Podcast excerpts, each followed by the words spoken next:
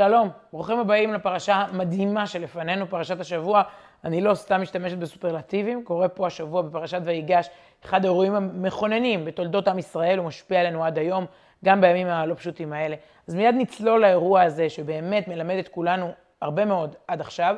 אני אישית מצאתי בו באמת הרבה השבוע, מול כל כך הרבה בשורות מטלטלות, קשות, רגעים כאלה של, של קושי, של חוסר ודאות.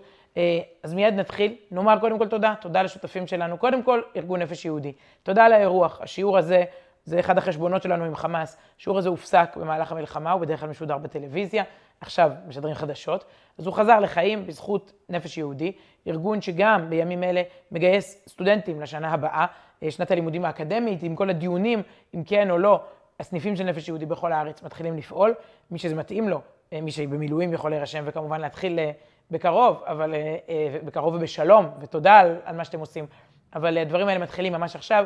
דף הפייסבוק של נפש יהודי, הרשמה לסמסטר הקרוב. אני מכירה שנים את התוכנית הזאת מקרוב, ונהנית להיות פה ושם גם אורחת וחלק ממנה.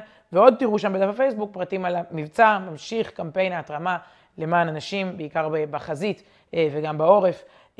אז תודה לנפש יהודית, תודה לפאסי קראוס על הדיגיטל, על כל המסביב בשיעור הזה, ותודה לגרובייס הפקות, דיני גרובייס ויהודה גרובייס, שבלעדיהם אני הייתי מדברת לקיר פחות או יותר, הם דואגים לכך שאתם רואים אותנו עכשיו, גם בזום אה, של סטודנטים של נפש יהודית, גם ביוטיוב שלי, גם בפייסבוק שלי ושל הארגון, אז באמת ברוכים הבאים לכולם.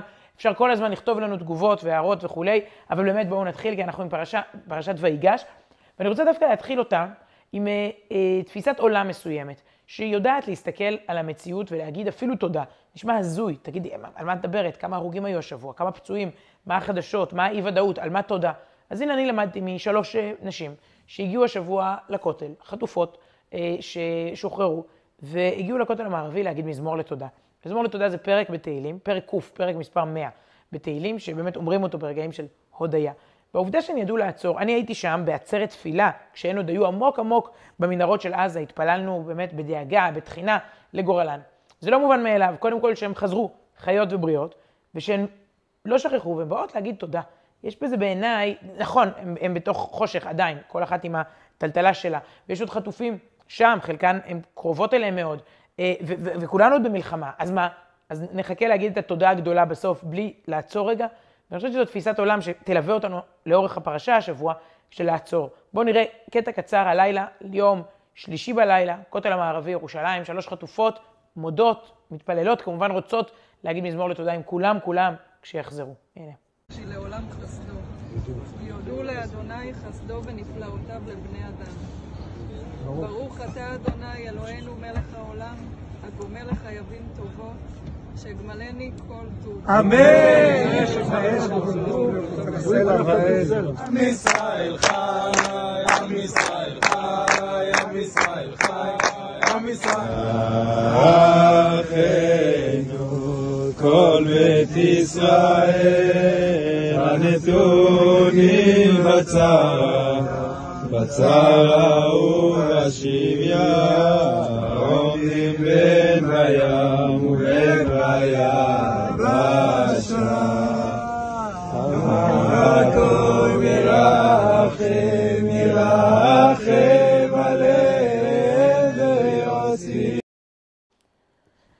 שנזכה אה, להתגשמות של כל התפילות האלה, ומתוך הרוח הזו אנחנו הולכות, הולכים להבין את יוסף. אתם יכולים כרגיל שוב להגיד לנו מאיפה אתם צופים בנו, מה אתם עושים תוך כדי, איפה בארץ ובעולם. אנחנו עכשיו במצרים, מתמקדים בפרשת ויגש, אנחנו כמעט בסוף ספר בראשית, פרשה אחת לפני האחרונה, פרשה 11, ויגש, מי ניגש למי? תקציר הפרקים הקודמים. האחים של יוסף זרקו אותו לבור, קינאו בו, כתונת הפסים, שנאו אותו, זרקו אותו לבור, מכרו אותו למצרים. הוא התגלגל שם לכלא, עלה למלוך ונהיה המשנה למלך. כרגע הוא שליט מצרי, ככה האחים לפחות רואים אותו, והם, כשיש רעב בארץ, הוא יודע לפתור את כל בעיות הכלכלה של מצרים מראש, פתר את כל החלומות, עשה מחסנים של תבואה, הוא במעמד מאוד גבוה, אליו באים להתחנן לכסף ולאוכל. והם, הוא מכיר אותם, הוא יודע מי הם, הם לא מכירים שזה אחיהם, שהם התעללו בו בזמנו, ויש כל מיני סיטואציות ודיאלוגים. בסופו של דבר, יוסף בעצם מבקש לקחת אליו את בנימין. הוא מביים סיטואציה שבה הם צריכים להחליט אם הם מפקירים אח או לא. נשמע מוכר, אותו הם הפקירו. בעצם כדי באמת לתקן, הוא לא סתם אומר להם, אני יוסף, למה מכרתם אותי? הוא לא בא להגיד, אה, אה, נקמה. הוא מייצר סיטואציה שבה האחים צריכים להוכיח שהם באמת אחים. הם לא יפלו שוב למלחמת אחים, נשמע מוכר. כלומר, הוא נותן להם איזשהו מבחן, ואם עומדים בו, אז הם בעצם חזרו בתשובה, הם תיקנו. קודם הם הפקירו את יוסף. עכשיו הוא לוקח את בנימין אליו. באמצעות, הוא שם לו גביע בכלים שלו, וכאילו, כאילו בנימין גנב, הוא אומר, את הבחורצ'יק הזה, את הילד הצעיר הזה, אני צריך לקחת אליי. עכשיו, האחים, לפני 22 שנה, אמרו, שיקחו את ה... לא אכפת לנו מהאח הזה יוסף. עכשיו מול האח בנימין, התנהגות אחרת לגמרי, ויש תיקון גדול מאוד. ויגש, ויגש אליו יהודה. יהודה ניגש ליוסף בתפילה, בתחינה, בזעם, בכנות, באותנטיות. הוא אומר לו, בי אדוני, ידבר נא עבדך דבר באוזני אדוני, ואל יחר אפך בעבדיך כחמוך כפרעה. אתה עבד, כן, אני, אני העבד, אתה אדון, אתה כמו פרעה, אני בא לדבר. הוא ניגש אליו. פעם הם לא יכלו לדבר איתו, פעם הם לא יכלו לגשת, פעם ראו אותו מרחוק, פעם זרקו אותו לבור, ניגשים. עכשיו אנחנו נראה, השקף הבא, לא נקרא את כולו. יש פה המון פסוקים, המון מילים. בעצם אומר יהודה ליוסף, יש פה נאום. נאום אני מאשים, נאום אני מאמין, נאום של תקשיב לי. הוא נותן פה את כל הסיפור, הלכנו לאבא ואמרנו לו, ואי אפשר לקחת את בנימין, וזה ילד זקונים, ואבא ימות מזה, ואח אחד כבר נטרף לנו, כבר הלך לנו וכולי וכולי. אל תעשה את זה, אנחנו מתחננים בצורה מאוד גלויה. יש משהו יפה בשיתוף, באותנטיות, בכנות. כשכואב צועקים, אה, כשאכפת, מדברים. אלה הם ימים להסיר בהם מסכות, לדבר אמת. עוד מעט נראה לאיזה קרבה זה מביא. אבל אומר פה יהודה מהלב, יש בזה משהו מאוד יפה פתאום, הרבה פעמים בחיים, מסך נראה כזה אטום, אתה מול, מול עבודה, מול, מול איזה בירוקרטיה, מול איזה פקיד. דבר, שפוך, לא כן להתחיל לבכות לפקידה ולא יודעת איפה, בבנק, אבל כן, כן לנסות, לשק... מה הוא עושה פה יהודה בנאום הארוך הזה? הוא מספר, תקשיבו רגע לי, יש לי נרטיב, יש לי סיפור, יש לי עמדה, יש לי חיים, תקשיבו רגע. זה, זאת עצה גדולה. ותראו מה קורה. בסוף הנאום של יהודה, שלושה פסוקים מדהימים, מדהימים כל אחד מהם, ואותם כבר כן הגדלתי והדגשתי ברשותכם, כי עבדך ערב את הנער. ערבות הדדית. המילה ערבות, אני חושבת, לא מופיעה, צריך לבדוק בתורה עצמה ככה, במובן של ערבות. אבל הנה, היא מופיעה. ומאז, אפשר להגיד, בעצם יש לנו פה דימוי שממשיך עד היום, כל ישראל ערבים זה לזה. אני ערב, אומר יהודה, אני ערב על הנער הזה. בנימין לא יכול להישאר במצרים. אין דבר כזה, אנחנו לא מפקירים שוב אח. ואז הוא מציע עוד דבר נורא. נורא, אבל גם נורא מרגש. ואתה ישב נא עבדך תחת הנער עבד לאדוני, והנער יעל עמך. תקשיב, קח אותי. אני זוכרת שעדינה משה, אה, מהקיבוצים של העוטף, באו לשחרר אותה, היא בת 72. והיא אמרה, עזבו, קחו אחת אחרת, יותר מבוגרת, יותר אה, חולה. באמת, ככה סיפר אה, שר הבריאות, אורל בוסו, הוא אמר שהוא פגש אותה, והיא אמרה לו, שהיא היא, היא ממש אמרה שיקחו מישהי אחרת, שיותר ראויה להשתחרר. זאת, זאת ערבות הדדית מדהימה בגוף. יהודה אומר, קח אותי לכלא, אל תיקח אותו. אז יש לנו פה מצד אחד אה, אה, אה, הסכמה, אחד זה אה, להגיד אני, אני ערב, זה להגיד. אחר כך זה לעשות, קח אותי ואל תיקח אותו. ושלוש, זה ממש תחינה מעומק הלב, זה זעקה. כי איך אעלה אל אבי והנער איננו איתי? איך אני יכול לחזור לאבא בלי הנער הזה? פה יוסף גם מבין שהקלקול תוקן, שהריקבון, השורש הזה של הפקרת אחים, של אגואיזם, של אי אכפתיות, תראו את האישיות הזאת, תראו את יהודה. הוא בעצם נותן נאום שלם שבסופו עקרונות יסוד של אחווה. הגיע הזמן להתפייס. עם כאלה אחים אפשר להתפייס. קודם לא היה עם מי, קודם הם היו, אפשר להרים את המסך ולהגיד, אחים יקרים, זה אח שלכם. ולא יכול יוסף להתאפק לכל הניצבים עליו. אה, צריך להבין תמיד ליד מי מייצרים את הדרמה. היום הכל נורא פומבי, מצלמות טק טק טק בכל מקום, הילד חוזר, המשפחות, לא עלינו, לא חוזר, כן חוזר, הכל מאוד מאוד, כולם רואים הכל. יוסף מבקש לייצר רגע אינטימי. לא יכול יוסף להתאפק לכל הניצבים עליו, ויקרא הוציאו כל איש מעליי, ולא עמד איש איתו בהתוודע יוסף אל אחיו. תורה מבזבזת פסוק שלם כדי להגיד, אמ, יוסף מבקש אינטימיות, מזיז את כל, ה, את כל העוזרים. ואז ורק אז הוא בוכה. כלומר, יכול להיות, זאת שליטה עצמית מדהימה. וייתן את קולו בבכי, וישמעו מצרים, וישמע בית פרעה. יוסף אה, בוכה, לא מעט. רציתי פעם לעשות שיעור רק על כל המקומות שיוסף בוכה ובוכה ובוכה.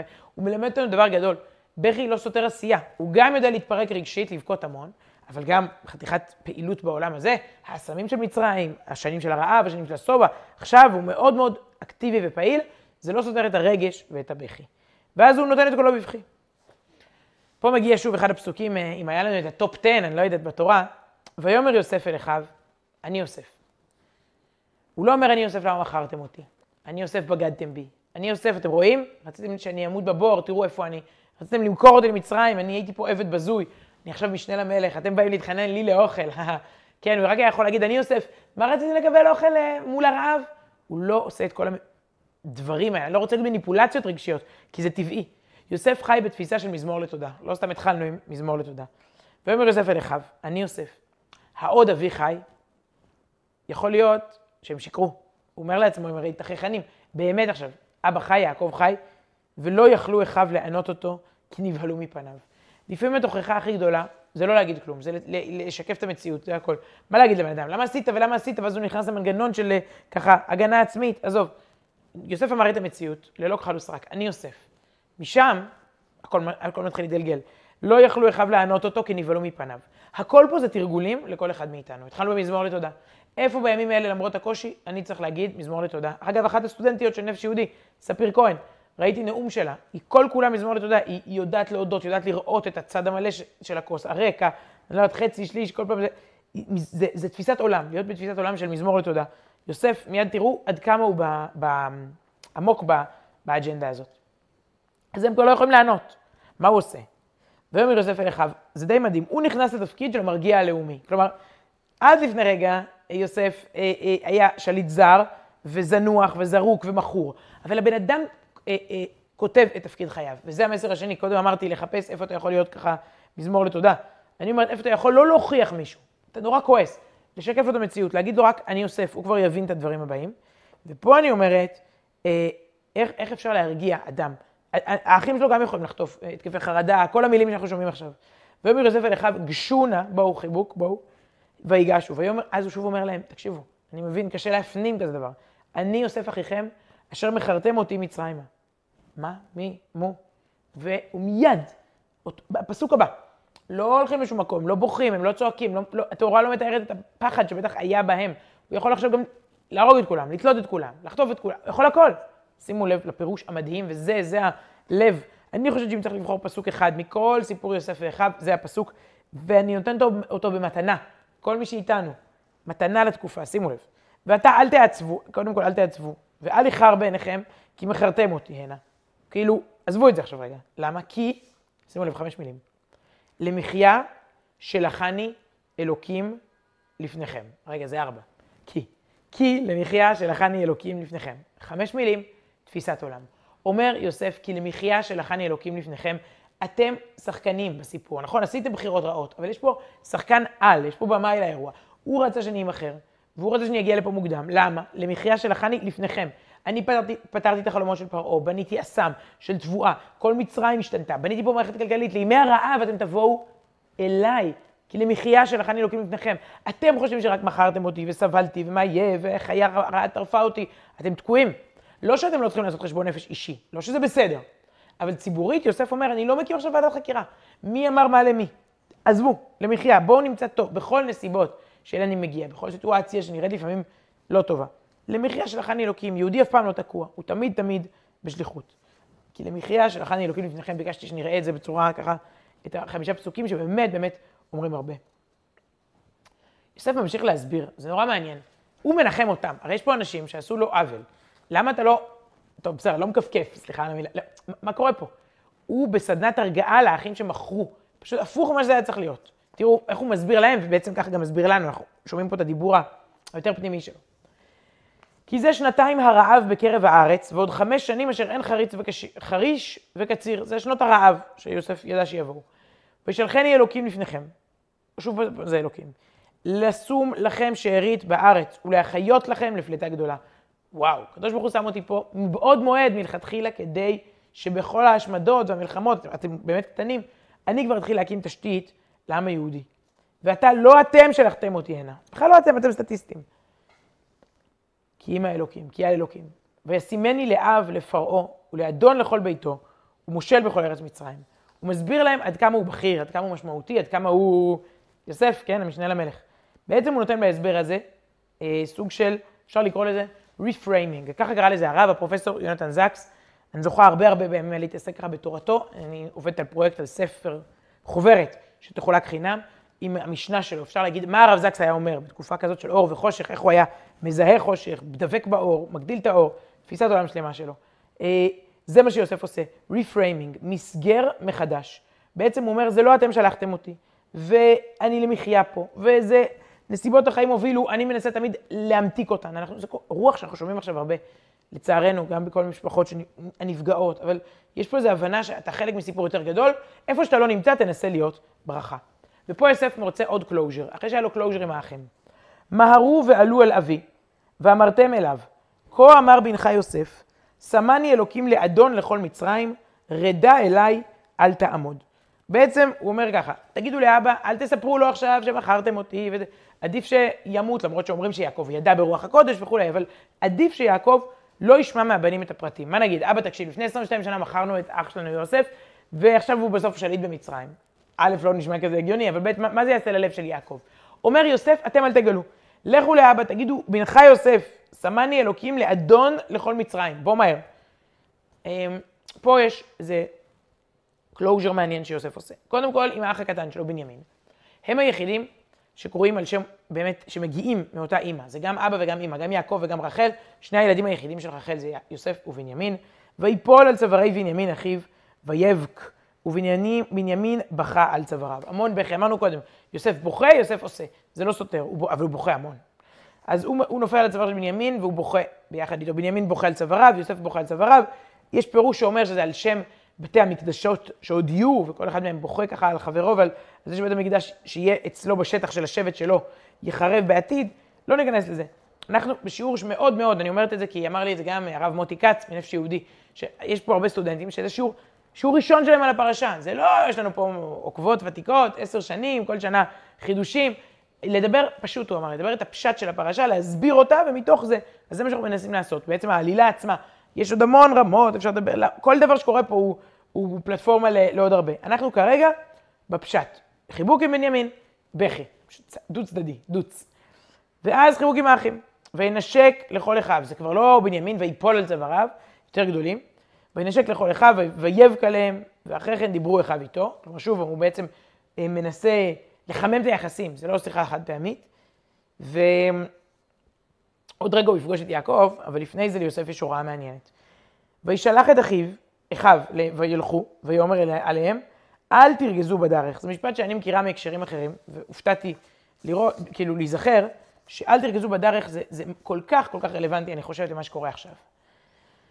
הרי הם יש להם את כל הסיבות להקים ועדת חקירה ולשנוא אחד את השני. מה זה לרגוז? זה לא אל תרגזו בדרך, זה אל תפוצצו מכות, סליחה, בדרך, כן, זה שבטים קדושים, אבל אל תיכנסו לעוד מריבת אחים, היה לנו מספיק. אם נסתכל על זה בראשית מתחילתו, בהתחלה היה חטא, רק, רק על החטאים, אז גורשו מגן עדן, ואז המבול והעונש, ואז בעצם אנחנו מתחילים עם הסדרות של אה, יצחק ישמעאל, אחד זז הצידה, יצחק ממשיך, אה, יעקב, אה, יעקב עשיו, עשיו זז הצידה, יעקב ממשיך. מלחמות אחים, זה לא מסתדר. אה, יוסף מפחד שבדרך חזור זה מה שיקרה, הם יתחילו לריב ביניהם, בין האחים. לכן הוא אומר, אל תרגזו בדרך. לפי שהיו נכלמים, אומר רש"י, בואו, הם בפדיחה של החיים שלהם, היה דואג שם ירים, יריבו בדרך על דבר מכירתו. להתווכח זה עם זה ולומר, על ידך נמכר, אתה סיפרת לשון הרע עליו, וגרמת לנו לשנא אותו. בקיצור, הם התחילו בדרך להגיד, אה, ראובן אמר ככה, אבל יהודה אמר ככה, אבל זה אמר ככה, לא, לא, לא, לא. אל תרגזו בדרך. אני אומרת את זה עלינו היום, יש לנו משימה. ראשונית וראשונה במעלה, כל דבר, אבל כל דבר, מכל צד, מכל, מפריע, שמפריע, שגורם לנו להזיז עיניים מהכדור, הוא בעייתי. יש לאחרונה ממש אווירה שצריך להזכיר לפעמים מי האויב. הוא חמאס, האויב הוא לא אף אחד בקרבנו, לא מפלגה, לא מנהיג פוליטי, לא אדם שטעה ויכול להיות פשע וישלם אולי את המחיר, אבל האויב, מי שביטר גופות, מי ששחט, מי ששרף, מי שרצח, זה חמאס. זה כל כך רע לפעמים שקל לנו להתעלם, להמשיך את הציוצים הרגילים. יוסף מבקש, אל תרגזו בדרך, אל תריבו אחד עם השני. אה, כרגע אנחנו בדרך מאוד מאוד חשובה. והם מגיעים אה, אל אבא יעקב, האחים, והם אומרים לו דבר מדהים. ויגידו לו לאמור, עוד יוסף חי, זה ביטוי מפורסם עד היום, עוד יוסף חי, וכי הוא מושל בכל מצרים, ויפג ליבו כי לא האמין להם. יעקב לא יודע כבר, זה נכון, זה לא נכון. כל כך הרבה משפחות מחכות לבשורה טובה, מפחדות מבשורה רעה, כל מיני סוגים. אנשים שעשו להם מניפולציות איומות גם, חמאס, הם באים ואומרים לו את האמת שהיא, שהיא בלתי נתפסת. יוסף זה מלך מצרים, משנה למלך מצרים, מחכה לך. וידברו אליו את כל דברי יוסף אשר דיבר עליהם, וירא את העגלות אשר שלח יוסף לשאת אותו, ותחי רוח ותחי, לא ותחי, ותחי רוח יעקב אביהם. אה, הוא רואה את העגלות, חז"ל אומרים, שוב, אנחנו ברמה הפשוטה היום, אבל אומרים לנו שזה רמז לסוגיה שהם למדו, עגלה ערופה. זו סוגיה שהם למדו בגמרא, בתלמוד. כלומר, זה בעצם רמז שיוסף שולח ליעקב, לא התבלבלתי ולא שכחתי, אני עוד שם. אני, אני בלימוד המשותף.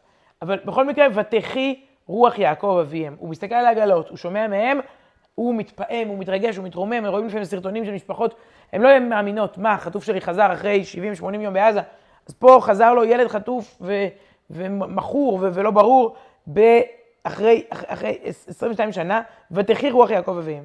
והוא יוצא לדרך יעקב, ואז מגיע הרגע המרגש של המפגש, ויאסור יוסף מרכבתו, ויעל לקראת ישראל אביו גושנה, ישראל זה יעקב, ואז המפגש. וירא אליו, ויפול על צוואריו, ויבק על צוואריו עוד. על מה הוא בוכה יוסף? על העבר, על ההווה, על העתיד. ככה אבא שלי צריך לראות אותי בגדי מלוכה מצריים, פרעה בא להסתכל, כל מצרים בא לראות, זה האירוע. כן. אה, שוב, חז"ל מוסיפים שיעקב קרא קריאת שמע. אה, זו קריאה שבעצם מרכזת אותנו מאוד מאוד פנימה, בעצמנו. מתוך כך אחר כך אפשר לפעול החוצה ולא מבולבלים, אחרי שעשינו איזה בירור. היופי, מספרים לנו שבאותו רגע יעקב אבינו ככה התנתק מהעולם, ובטח המצלמות תקתקו, והצלמים באו, והפפרצי דחפו, מיקרופון, מה, מה קורה יוסף, מה יעקב? ש... אה, הוא, הוא מאוד מרוכז.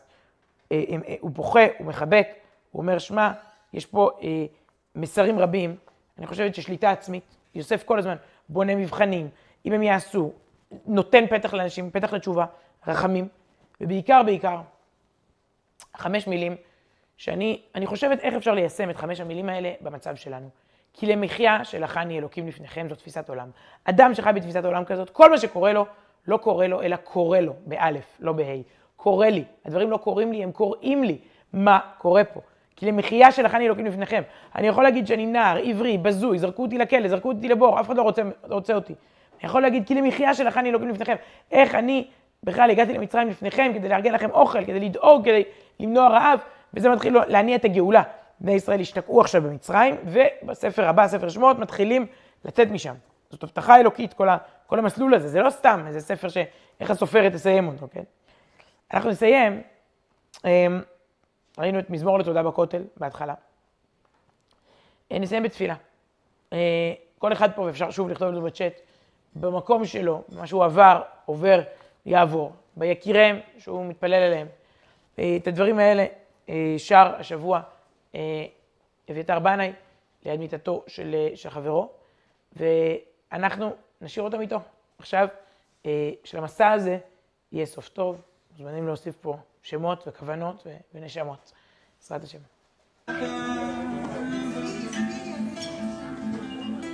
אבא, אני צריך לדעת שאתה...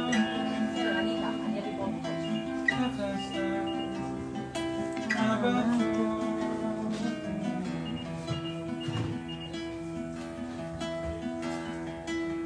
אני רוצה להיות בטוח בכל